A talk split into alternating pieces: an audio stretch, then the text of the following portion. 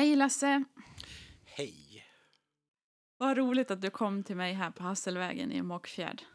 Ja, tack och tack. Tack för förtroendet också. Du är en sån där polare sen jag bodde i Borlänge som jag tycker är så skön. Och du och Linda är ju så sköna människor. Ni är precis er själva och det är det jag gillar så. så. Det är kul att du kommer hit idag. Ja, tack. Jaha, idag har vi inga speciella agendor. Jag tänkte vi skulle pladdra på lite bara. Mm. Eh, det vi, hur vi lärde vi känna varandra egentligen? Det var väl via... Jag tror är genom kyrkan. Och, ja, säg du. Nej, men jag har för mig att det var så. Genom Ja. kyrkan som sagt. var. Du var ganska ung då. Ja. Och jag har inte blivit äldre. Nej, precis. Ingen har blivit äldre. ja, och då var vi i Riastugan och hade gudstjänster tror jag. Först. Mm, det kanske var. Ja, Och så var vi i hemmen, så ja Hade precis. träffades där. Ganska avslappnat det också. Ja, det var skönt. Det var...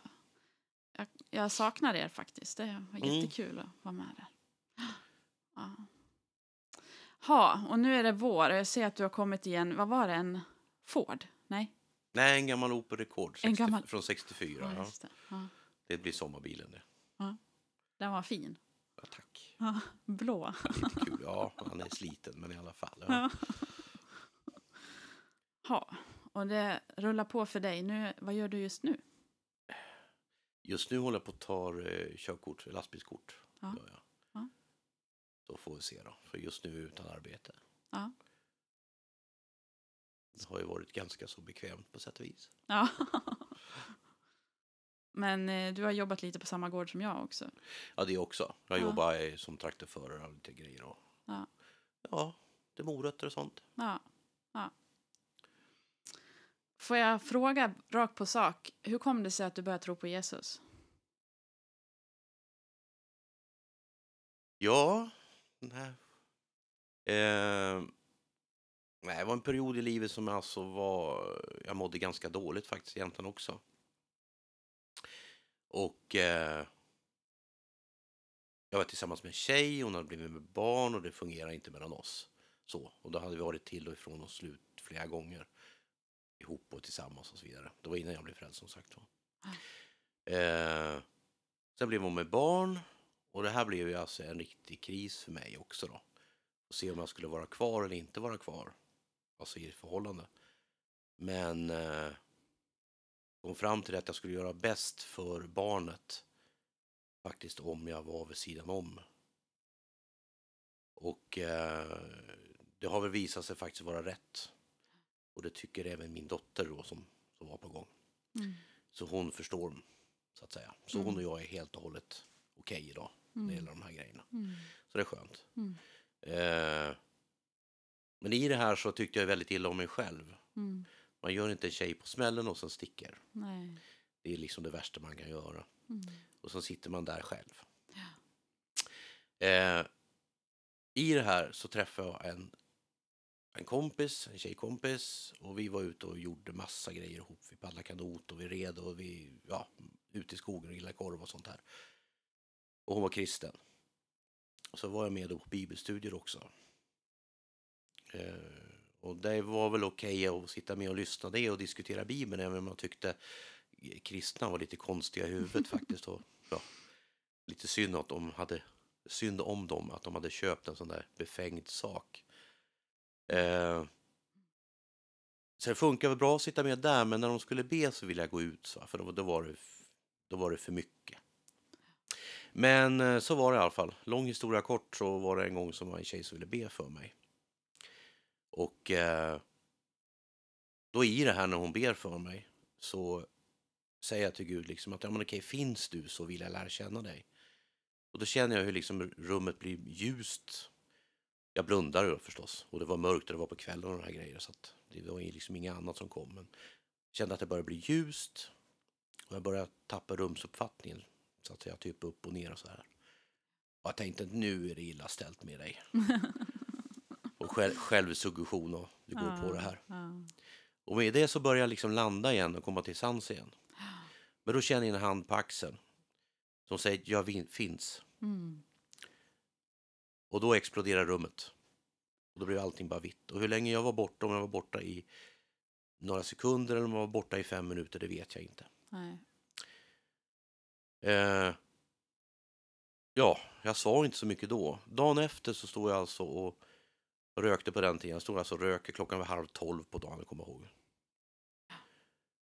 Och eh, står och börjar bortförklara det här och tycker att det här var bara inbildningar. Och så här. Då känner jag samma hand på axeln igen och ser liksom att nu släpper jag det inte. Nej. Eh, Efter det här som sagt var så eh, hade man ju väldigt barnslig tro och egentligen tror jag att det är den man ska ha. För att eh, bland annat står det i Bibeln om att eh, ingenting är för litet för att be om. Och en historia jag brukar berätta som händer, det händer mycket saker och olika grejer, men den här sommaren, eh, 89, så var det eldningsförbud. Och eh, den här tjejen och jag ville alltså ut i skogen och grilla korv. Och det får man inte, göra upp, upp en eld och sådär. Så vi gick igenom vad vi hade då, liksom för ställen att kunna åka till så det liksom inte var något farligt att göra upp eld då, så att säga. Och vi visste ingenting. Vi kom aldrig på något. Ont om pengar hade jag och ingen bensin i bilen. Eller väldigt lite. Men jag får från Gud att jag ska gå ner och sätta mig i bilen. Det måste jag också korta av historien för annars blir jag jättelång. Men jag fick alltså väldigt klara direktiv hur jag skulle köra höger, vänster och så vidare. Så här. Eh, tills vi kommer, ja, vi kommer fram till ett kalhygge. Och jag säger att här ska vi stanna. Nej, säger den här tjejen nu, för att hon var lite, hon var lite bitter på mig då. Tyckte jag kunde inte uppföra mig riktigt som jag gjorde. Hon tyckte att vi kunde inte gå in där. Att det liksom var massor med ris och grejer. Jag sa, men okej, vi åker förbi då och tittar då. Men då började vi komma för långt hemifrån. Så jag tänkte att nu måste jag vända för att kunna ta mig hem med den bensin jag har i bilen och sånt. Så vi åker tillbaka. Och då säger hon att, ja men det ser du att det går ju inte liksom, det går inte gå där och det fanns ingenstans att parkera och så vidare. Och då sa jag, men om Gud säger att jag ska stanna där så fixar han någon väg och sånt. Så när vi stannar då, så en sån här mötesplats, för det var efter en eh, smal grusväg. Så jag kunde stanna där i alla fall. Och sen strax framför bilen så var då, hade skogsprocessen gått in och ut. Ja. Över skogs... Det här. Ja. Så att det var ju jättelätt att gå. Ja. Och när jag kommer, går in på det här och då ser man att vassen växer långt ut i sjön. Och det Ja, säger hon också att nej, men hon bara, det ser ju det här. Ja, men så att, jag vänder inte förrän jag kliver ner i vattnet nu, så. Nu måste jag se, verkligen. Mm.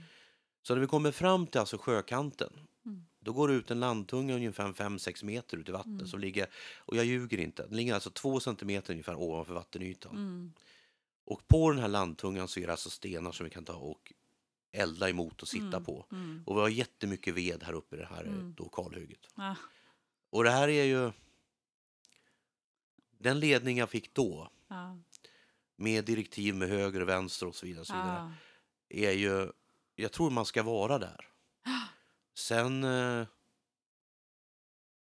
jag har gjort, ja, det är att man tappar gärna det här för att man, man går in i någon, alltså man, blir mer eller mindre religiös Ja. och det ska man passa sig för. Man ska leva med Gud och gå med honom. Jag tror det där är, alltså. Ja. för då kan man få klara direktiv. Ja. Och då behöver man inte vara så nervös för saker och ting Nej. och, och så vidare. Nej, jag har hört mycket sådär. En del som har åsikter om från kyrkligt håll då att det är farligt att lyssna för, för detaljerat på Gud. Påven till exempel. Ja, kanske det. Ja, Och det är flera andra också. Ja. Men jag, jag har alltid upplevt Gud som väldigt personlig. Och jag har upplevt precis sådana där saker när det bara händer. Och man bara känner att det är det här jag ska göra och det är det här jag ska säga eller någonting. Och då har jag gått på det och det får man ju ibland skit för. Ja, Men det är värt för att det blir ändå rätt. Ja, Gud vet ju bäst. Så Ja, det, ja. det, det är det minsta problemet. bäst. Man är inte alla gånger överens heller. Nej, När han säger höger och man tycker nej, jag ska gå vänster. Nej ja, ja, ja. det är en annan historia också. Mm. Och så glömmer man bort Ja. de där misstagen man har gjort kanske för man skäms lite. Men... Ja, Ja. men göra bort sig kan man väl göra. Ja. Man lyssnar inte på sina föräldrar heller alla gånger. Nej. När man var liten. Nej, nej, nej. Och Gud ska vara en pappa, så att det är ju det är väl så det är. Ja. Och sen har man ju fritt val. Man behöver inte lyssna om man inte vill. Precis.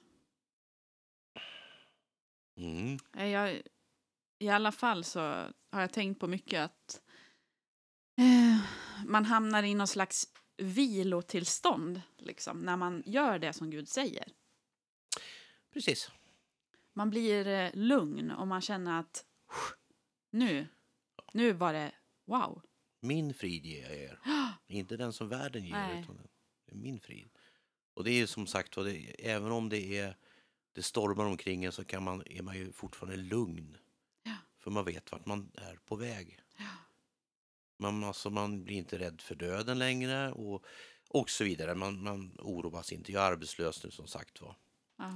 Så det blir det här med ekonomi och grejer. Men Gud har sagt att han är vår försörjare. Ja. med andra ord, ja, men han ser till att det blir att jag har mat på bordet Ja. och jag har kläder och så vidare. Någonstans att bo. Ja. Det har han lovat. Och det tror jag på. Ja. Och det är den barnsliga tron igen, att våga. Ja, men det måste man ju. Va? Man måste vara det. Ja, men annars, annars blir det prestation och då blir det Då hamnar man ju helt åt skogen istället. För då blir det egna gärningar. Och de Gud har skapat oss med fri vilja. Vill jag ta hand om saker och ting själv så får jag det. Mm. Men då är det inte säkert att jag lyckas. Nej. Nej. Jag tror många gånger så är det de där stunderna när man liksom gör som man säger, som man, ja, men som man landar och känner den där friden. Och... Han vet ju också varför vi får de här direktiven. Alltså ibland kan man ju Ja. undra varför får man så tydliga direktiv? Eller varför får man liksom någon som säger vad man ska göra? Men han vet ju mer. Jag tror att vi så, vi tror som människor att vi är så upplysta och vi är så intelligenta och vi vet så mycket. Mm. Och det är som att hjärnan är helt uppblåst liksom, av massa idéer av hur världen är styrd och hur det ska fungera. Och sen helt plötsligt så kommer Gud in och visar på att sin sanning.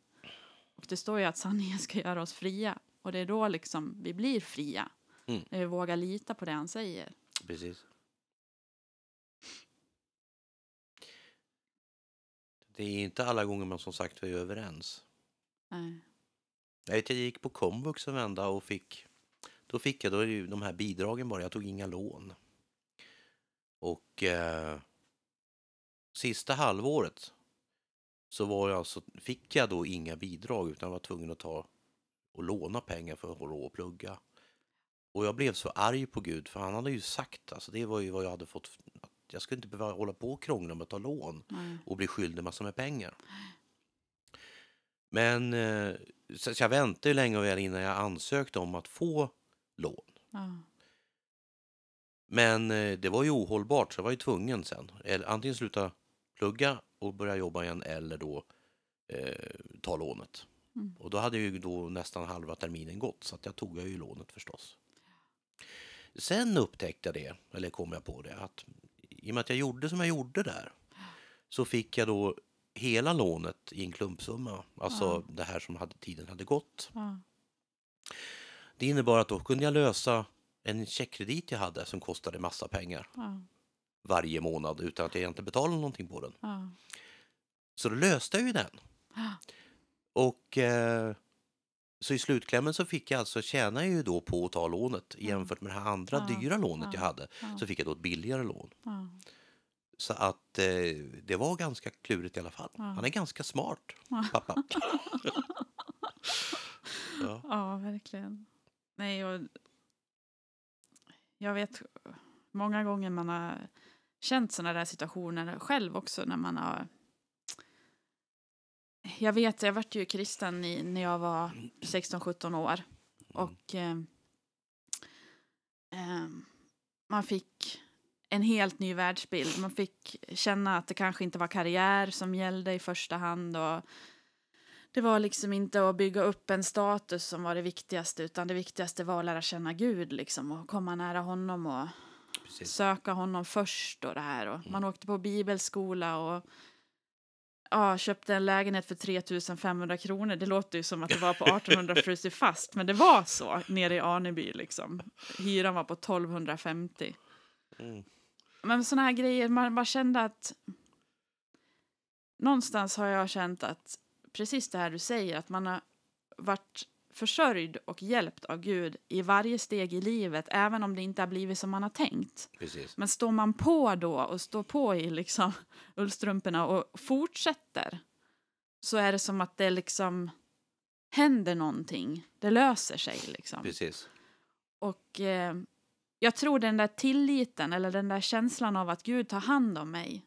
Det är nog det som folk strider mest om. Eh, både inom tron och utanför tron och allting. Alltså att man verkligen skulle få lita på att det är så.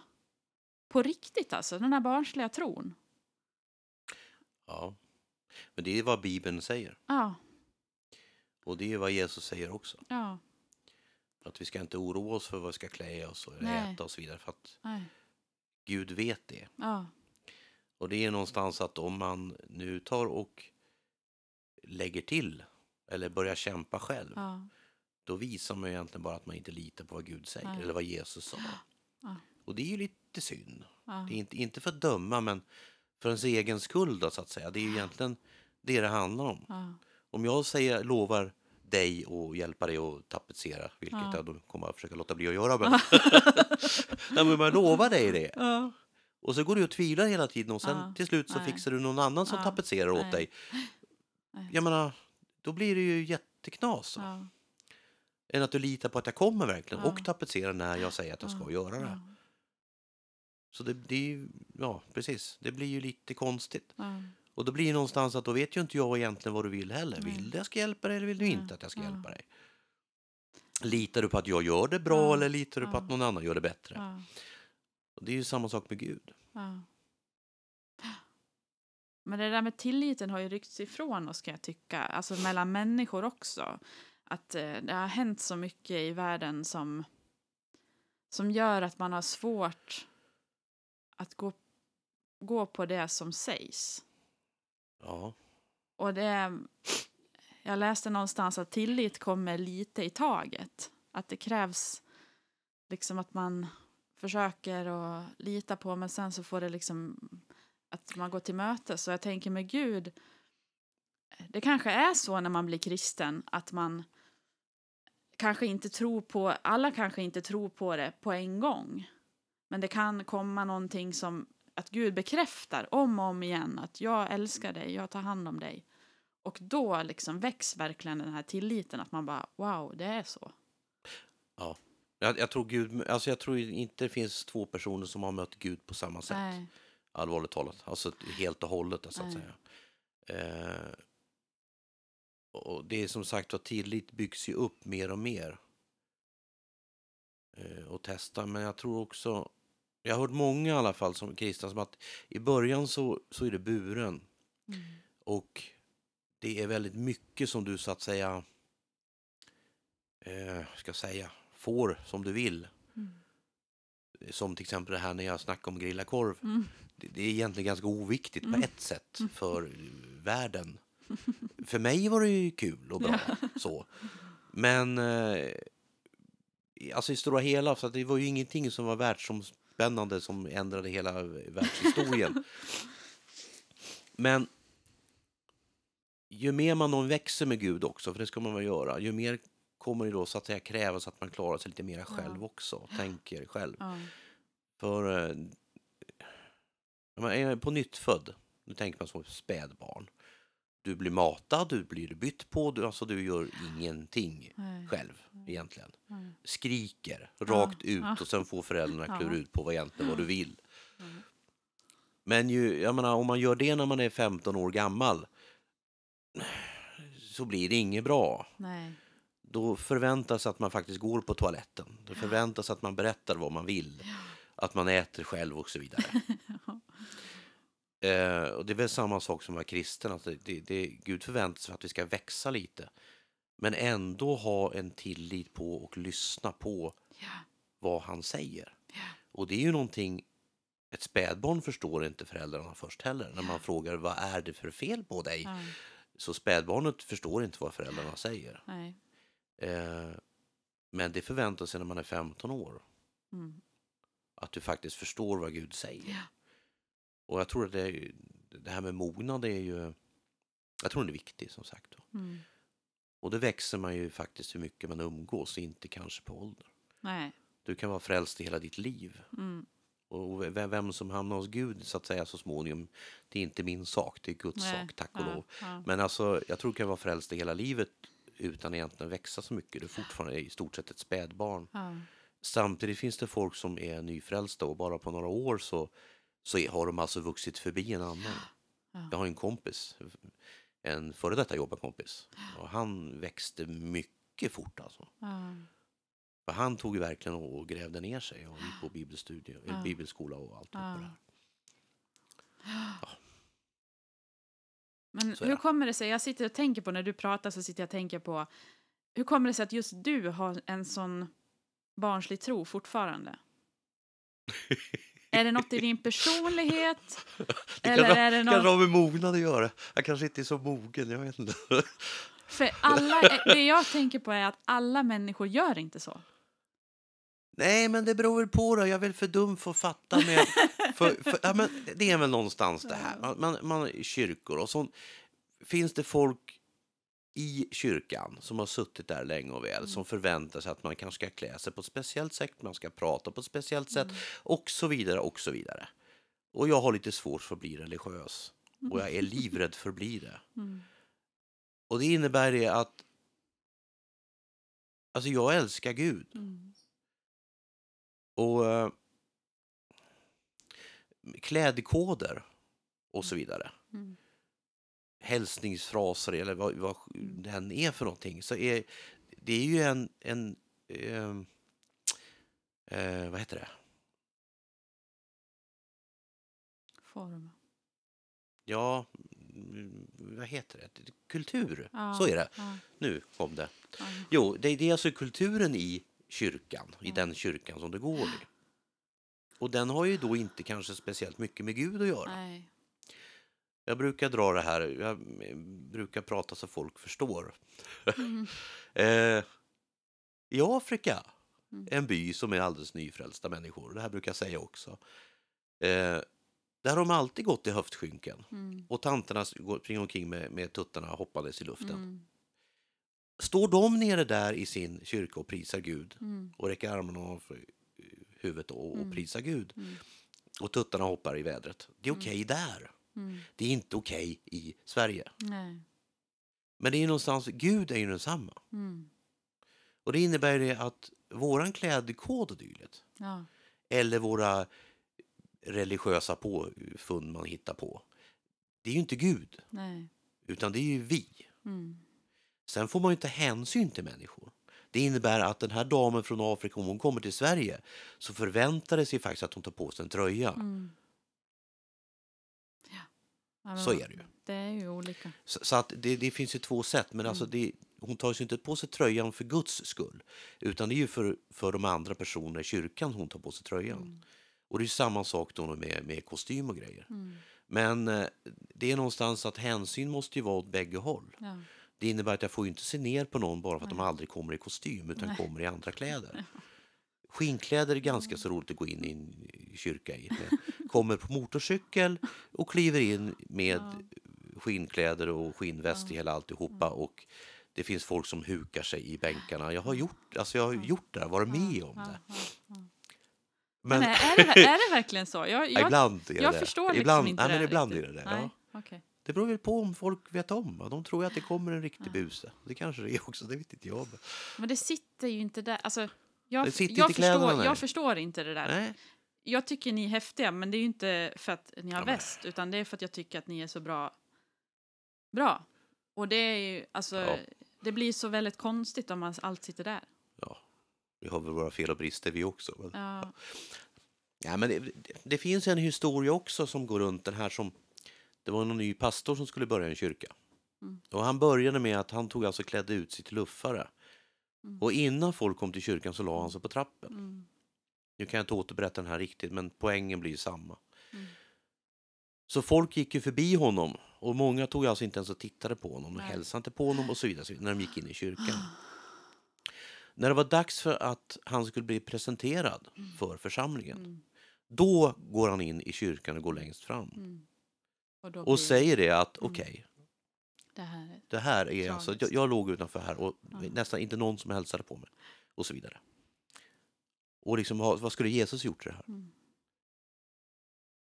Och jag kommer inte ihåg historien helt, men hur som helst. Jag tror inte han sa så mycket mer. Mm. Men det är någonstans att eh, det, det är ju inte några snygg kostym som det handlar om om man är kristen eller inte. Nej. Och eh, en gudstro kan man ha även om man kanske sitter på kåken. Och så. Att, att den sitter inte hur man då uppför sig. Nej. Förhoppningsvis kommer den leda fram till att man Mm. uppför sig då Mm. mer civiliserat om man kan säga så. Men alltså att man sköter sig, inte slår ner folk och så vidare. Mm. Men, men eh, gudstron börjar inte där. Gudstron börjar med att man tar emot Gud. Ja. Och vill ha hjälp. Mm. Vet om att man inte klarar av det i livet själv. Mm. Ja. Jag har tänkt mycket på de här bitarna senaste tiden för att eh, jag har ju fått ett jobb där jag inte kan alltid gå till kyrkan när jag vill eftersom jag jobbar istället. Mm. Eh, och jag har varit tvungen att tacka nej till saker som jag har tackat ja till tidigare för att jag har fått det här jobbet. Och det har varit en brottning för mig att på något vis, vad är att vara pålitlig liksom? När man har förtroende från folk och sådär. Och då har jag, det är som att en inre röst har sagt till mig då, att Anna kyrka är så mycket mer. Och Mhm. människor, fler människor behöver möta Jesus än de som är i kyrkan. Och jag har liksom fått bara lägga ner det där med att man ska komma till kyrkan varje söndag och det är liksom... Alltså jag... På något vis är det även där någonting barnslig tro att bara liksom gå vidare när Gud visar vart man ska gå så får man följa liksom. Självklart. Och um, ehm, också det här att släppa vad folk tycker. Att det blir inte viktigt. Utan det blir viktigt att vara Gud till lags liksom. Mm, Men så är det ju. Ja, nej, och jag, det här känns jätteviktigt så jag är glad att du berättar det här idag. För jag känner att jag har brottats med det mycket eftersom jag eh, inte har liksom kommit från en kristen familj och sett så många olika världar. Och ibland har det varit svårt att få ihop de här världarna, för det går liksom inte. Och man har varit i kyrkan och känt att man måste även pröva vad som är rätt i kyrkan. Egentligen så är inte allting, bara för att det är i kyrkan så behöver det inte vara rätt. Nej, helt rätt. Och jag har fått många gånger känt mig pressad av att det ska vara på ett visst sätt. Och jag har känt att jag, viktig röst har som sagt till mig hela tiden att Anna, du fortsätt vara dig själv liksom. Helt rätt. Ja, och, det, och då, då får folk döma eller tänka eller vad de vill, men, men att jag jag längtar så mycket efter den här äktheten och att de här formerna och de här strukturerna ska vara mindre viktiga och att det är livet med Jesus som är det viktiga. Liksom. Precis. Det har du sagt mycket av att säga. Men, eh, jag tänkte kyrkan för mig, alltså kyrkbyggnaden och söndagsmötet om vi säger så. Då, det är att iväg och tanka. Mm. Och bara för att jag har något fordon, någon motorcykel eller någon bil eller något sånt där så står jag inte på macken hela tiden bara för att det är det som jag Nej. Behöver dit. Jag behöver inte dit och, och alltså det blir fel om jag hela tiden står på macken. Ja. Tanken ska jag eh, använda det jag lär mig också. Och det är det man får så att säga på Ja. macken. Eh, så är det ju. Och men för mig, alltså jag vill ju gärna prata om Gud. Det går inte att slå folk i huvudet med det här. För det, det, det funkar inte på min... När, innan jag blev frälst heller, jag menar såklart. Va? Utan det är någonstans, folk ser ju vem man är. Och det kan ju leda fram till att man då börjar bli nyfiken på vad egentligen den där snubben har. Det var många på- jobbet som sa förut liksom att ja, du är alltid glad. Och så tyckte man att man hade världens sämsta dag. Men, men, men jag, alltså efter jag blev frälst är jag alltid nära till skratt. Det har jag ju. Även om det, ja, jag brukar säga det också att att idag så är jag aldrig så ledsen Nej. som jag var förr när jag var lycklig. Ja. Men jag kan, alltså- jag kan inte vara så ledsen s- som jag var förr. Nej. För idag så alltså, man, jag är ju trygg inuti. Ja. Det spelar ingen roll. Jag är trygg inuti. Sen kan man vara rädd för att man ska hända grejer, man ska slå i benet eller Mm. ja, men, inte vet jag, man kan ju vara rädd för kanske olyckor och sånt runt omkring. Att det, men tryggheten sitter där i alla fall. Ja. Alltså att man är, man är, förr var det tomt inne i hjärtat, bildligt talat. Men Ja. nu, nu är det alltid fullt där, oavsett vad som Ja. händer. Ja. Så är man alltså aldrig ensam men, och övergiven om man säger så. Ja. Ja. Nej. Mm. Nej, jag har sett många människor komma och gå genom åren. Som, jag var ju kristen när jag var 16-17 år och så var det många som blev troende samtidigt som mig. Och en del är kvar, en del är inte kvar och, och så vidare. Och man, man funderar ju ibland på vad det är som... För det är så många som säger ofta att liksom kyrkan är full av hycklare och det är bara liksom så att jag, jag vill inte vara med. Ehm. Och jag vet inte om jag har liksom... vad, vad är det som gör att jag är kvar då? Det, men, men att... Eh, ja. jag har tänkt mycket på som varför det blir så. Men sen har jag tänkt också att just det här med tron, att för mig har det inre livet varit det viktiga i tron. Att man har umgåtts med Jesus. Man får liksom sätta sig någonstans eller vara ute i naturen eller gå och prata med Gud var som helst och ändå får man känna det här att det är någon som svarar, det är någon som lyssnar mer än alla andra, Mm. det är någon som aldrig tröttnar på en, det är någon som tycker att min röst är fantastisk fast jag har pratat förut. Mm. Att det är någon som liksom känner med mig på djupet och vet till och med vad jag gjorde när jag var åtta år gammal. Typ. Han ser hela min livsaxel liksom Precis. Och bara så här förstår sammanhanget mer än vad någon någonsin kommer att göra. Liksom. Mm. Och vet varför jag reagerar som jag gör och allt det där. Och för mig den där spännande känslan av att det är någon som finns där. Så det har jag känt sedan jag var liten och den, den släpper inte jag. Nej. För det, det är helt wow liksom. Det Det, är väl, det är väl där man ska vara, eller på att säga. Ja. Och sen har jag blivit besviken på kyrkan ibland, men då har jag liksom... Jag vet att jag var 25 faktiskt när jag blev besviken på kyrkan. Och då vet jag att jag satte mig ner i min lägenhet och tänkte så här, men istället för att vara bitter och vara en av de här då som hoppar av och sitter och är sur, så tänker jag vara kvar och göra skillnad. Precis. Och det var, så här, det var ett beslut, en milstolpe. Och det lutar jag mig fortfarande på när jag blir besviken och sur på saker som jag inte tycker är rätt. Så bara, nej. Jag tänker stanna hos Jesus och han får leda mig vidare liksom. Det finns inte någon enda människa på hela jorden som inte någon gång gör fel. Nej, Det finns inte en enda människa i din bekantskapskrets som Nej. nå- inte någon gång Nej. kommer göra dig besviken. nej. Så är det ju. Och det är samma sak i kyrkan. Och alla, alltså mer eller mindre en liten fasad på ett sätt. För man säger inte allting som man tycker och tänker. nej, Man gör inte allting. För jag menar, alla människor har inte med mitt innersta privatliv att göra. Eh, och det blir det att man har ju en liten, alltså, så att på det viset så är hela världen full av hycklare på ett Ja, sätt. ja, Men man är ju en av dem själv, ja, så man har ju inte rätt att döma. nej, Så då blir det ju någonstans att då får man väl försöka, ja, bara acceptera fakta ja, och älska folk i alla fall, Ja. trots att de Ja. är precis likadan som en annan. Så är det ju. ja. Och sen är det någonstans också att om man egentligen tänker efter, så om jag försöker döma någon och titta på deras fel och brister, inklusive min egen, så vackert. kommer min vågskål väga mycket tyngre än deras. För jag känner mig själv bättre än vad jag känner dem. Så så är det. Mm. Så att, eh, sen kan man bli arg och det kan man bli över Ja. saker och ting och så. Men, men eh, egentligen så har man inte så mycket att döma. Nej. Så är det ju.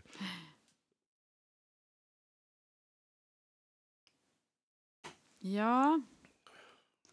Vad säger du Lasse? Har vi summerat alla världsproblemen nu eller? Ja, jag vet inte.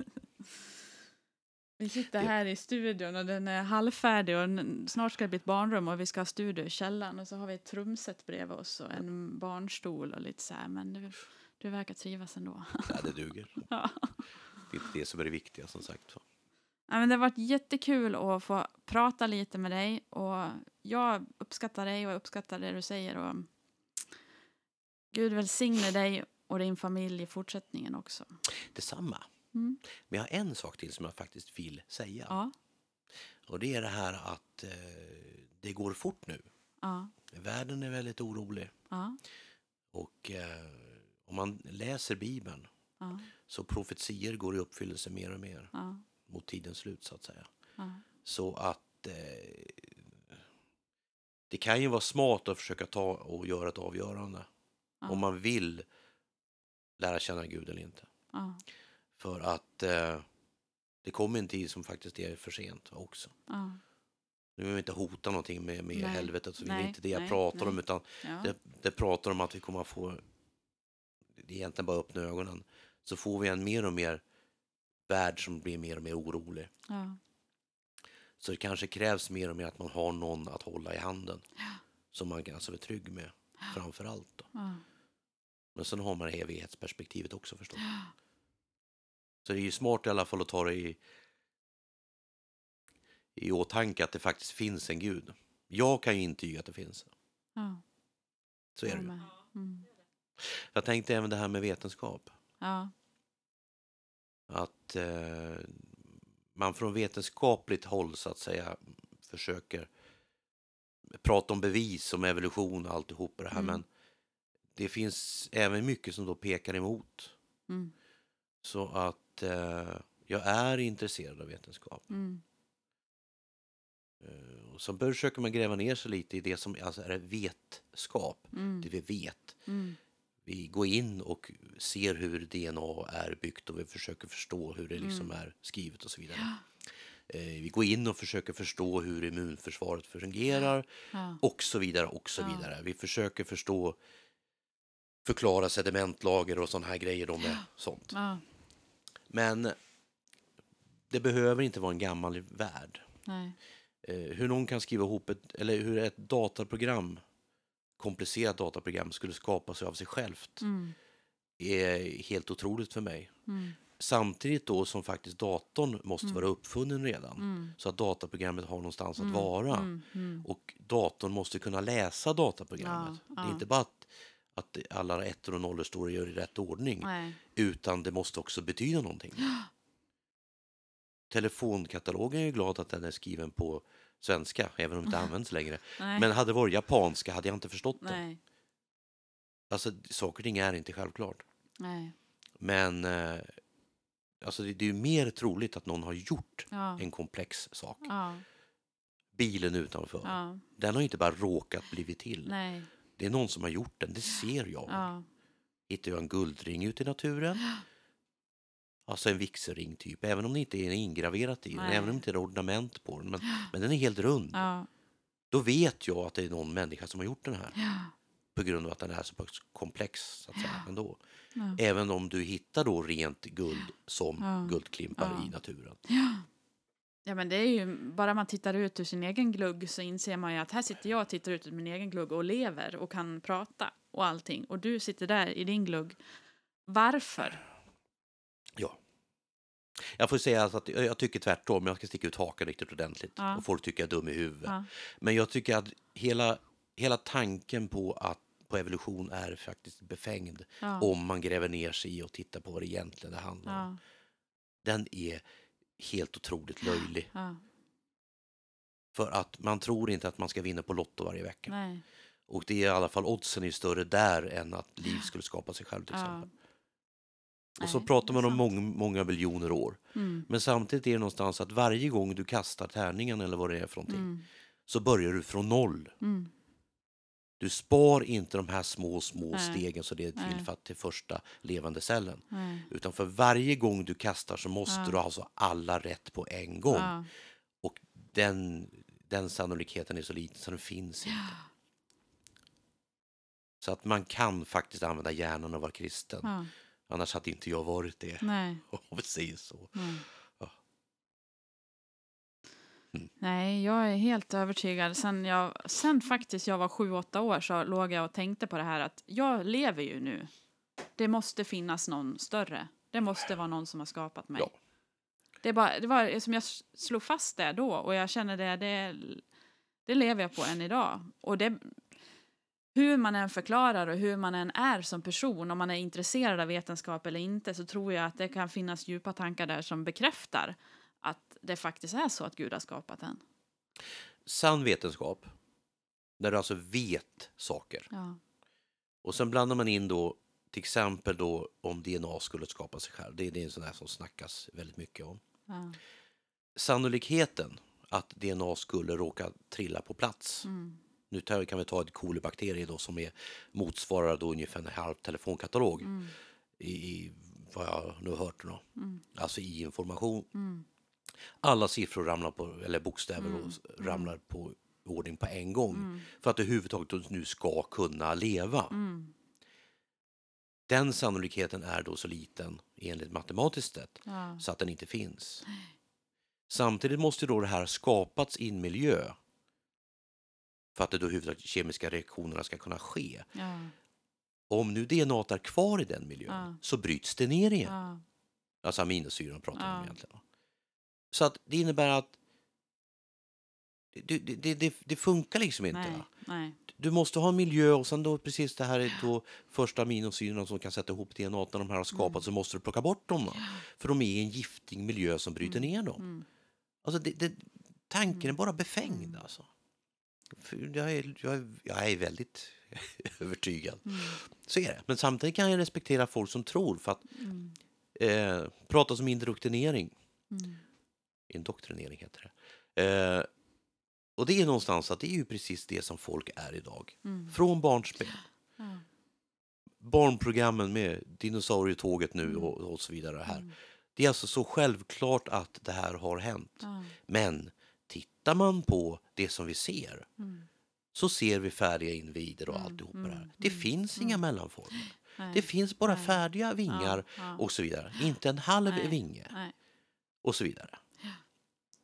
Alltså den, den är... Det är lömskt. Det, det, det, det, den är så fruktansvärt falsk och egentligen väldigt lätt att Genomskåda. genomskåda Mm. om man öppnar ögon och öron och tänker själv. Ja. Och Gud har gett oss en hjärna så vi kan använda den, Ja. tycker jag. Ja.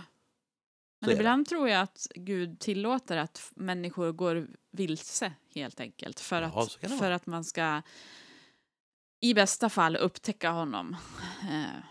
Och det finns ju vetenskapsmän som också erkänner att Gud finns. Ja, Därför att de har gå- till och med gått vilse först och sen insett att det här är ju inte rätt.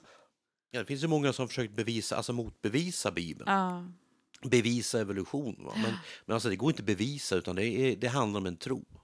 Alltså evolution är en religion faktiskt. Ja, Och det är alltså en, en religion då som går ut på att man faktiskt har rätt att förneka Gud. Och. Alltså, ja, och det är alltså, vi är inte en slump. nej, För jag menar, är vi bara en slump, då finns det heller ingen moral. nej, Som alltså går att, och det finns ingen klar moral. Nej. Utan slår jag väl grannen bara för att han har utstående tänder så är det helt okej, bara så länge Mm. jag överlever. mm, För egentligen det det handlar om. Den starka överlever. mm, Men jag menar, jag, känns ju inte helt okej liksom. nej. Nej. Mm.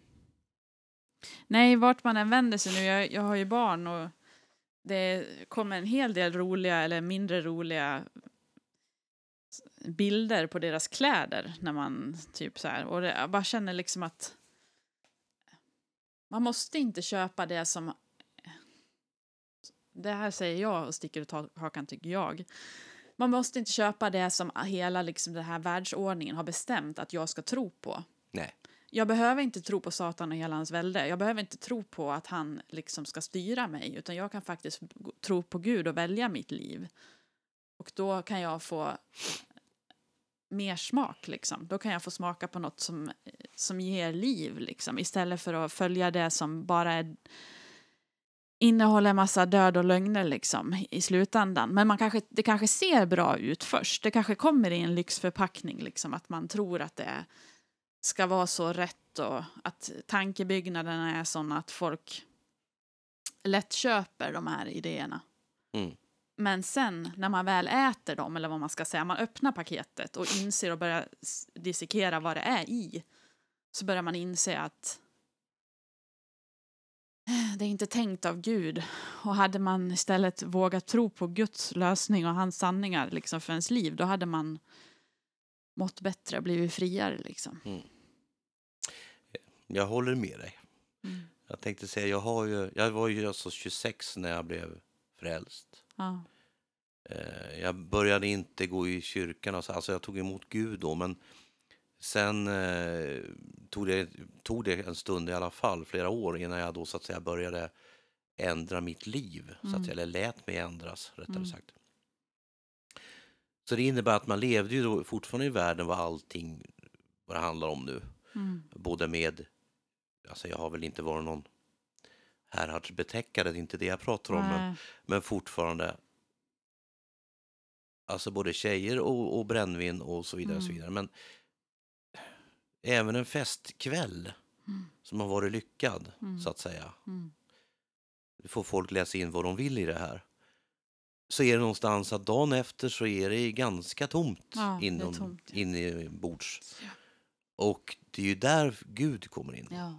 Det är där Gud fyller ut att det aldrig är tomt längre. Ja. Det spelar ingen roll om festen var värdelös Nej. så är det inte tomt. Va? Nej.